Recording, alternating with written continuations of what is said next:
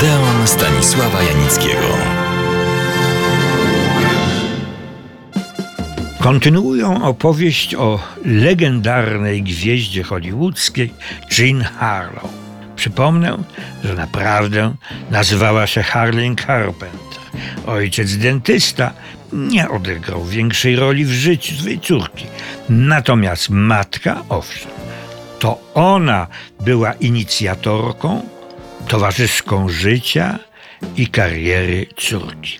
Przypomnę, nasza bohaterka urodziła się w Kansas City w 1911 roku. Mając 16 lat, uciekła z domu z młodym biznesmenem, który był jej pierwszym mężem. On załatwiał swoje interesy, a żona znalazła pracę jako statystka. Mieszkali w Los Angeles. Po dwóch latach rozwiedli się i nasza bohaterka, już jako Jean Harlow, to nazwisko panieńskie matki, weszła w świat Hollywoodu. Jej pierwsze rulki zostały zauważone, ale nie wywołały zachwytu. Krytycy uznali jej grę za ubogą i prostacką, zaś jej zachowanie i seks za wulgarne. Publiczności spragnionej nowego typu dziewczyny na ekranie przypadła jednak do gustu. Jej dwa filmy z 1931 roku uczyniły ją gwiazdę. To znaczy potężna Metro Goldwyn Mayer uczyniła z niej gwiazdą. Te filmy to Wróg Publiczny i Platynowa Blondynka. Tytuł drugiego filmu stał się jej znakiem firmowym. Związanie się Jean Harlow z potężą MGM stanowiło przełom w jej karierze. Fachowcy doprowadzili do tego, że przepoczwarzyła się z raczej pospolitej, krzykliwej i pstrej seks bomby w interesującą aktorkę z dużym poczuciem i wyczuciem humoru. Obsadzano ją też rozsądniej i właściwiej, biorąc pod uwagę jej powierzchowność i temperament, a miała takowy czasami w nadmiarze.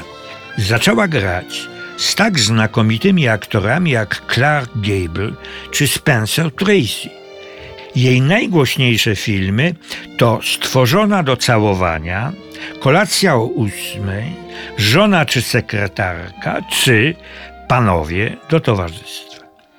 W roku 1932 Jean Harlow wyszła za mąż za Paula Berna, prawą rękę wszechwładnego bossa MGM Irvinga Talberga.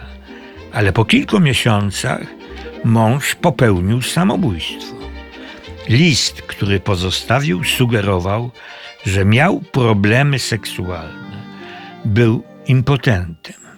Pięć lat później Jean Harlow wyszła za mąż za operatora wielu jej filmów, Herolda Roszona. Małżeństwo rozpadło się po roku. Natomiast na stałe związała się ze swoim partnerem, znanym i świetnym aktorem Williamem Powellem, ale nie pobrali się. W czasie realizacji wielkiego, ambitnego filmu historycznego Saratoga chodzi o bitwę między brytyjską armią królewską i amerykańskimi buntownikami, co utorowało tej angielskiej kolonii drogę do niepodległości. W czasie zdjęć Jean Harlow nagle zasłabła. Reżyser Jack Conway musiał przerwać zdjęcia. Sądził, że to chwilowa niedyspozycja. Okazało się, że sprawa jest znacznie poważniejsza. Co więcej, matka nie pozwoliła, by sprowadzono lekarza lub przewieziono córkę do szpitala, mimo że stan Jean stale się pogarszał. Dlaczego? Ponieważ należała do Kościoła Chrystusowego, którego zasadą, dogmatem jest, że choroby nie są wynikiem fizycznych schorzeń, lecz wyłącznie niedowładu ducha. Wszelkie więc choroby można i trzeba usunąć tylko za pomocą środków psychicznych. Tradycyjni lekarze są więc zbędni. Dopiero po tygodniu udało się Louisowi Mayerowi, jednemu z najpotężniejszych ludzi filmu, spowodować, że Jean Harlow przewieziono do szpitala. Było już jednak za późno. Jean Harlow, legendarna platynowa blondynka, zmarła 7 czerwca 1937 roku. Miała 26 lat.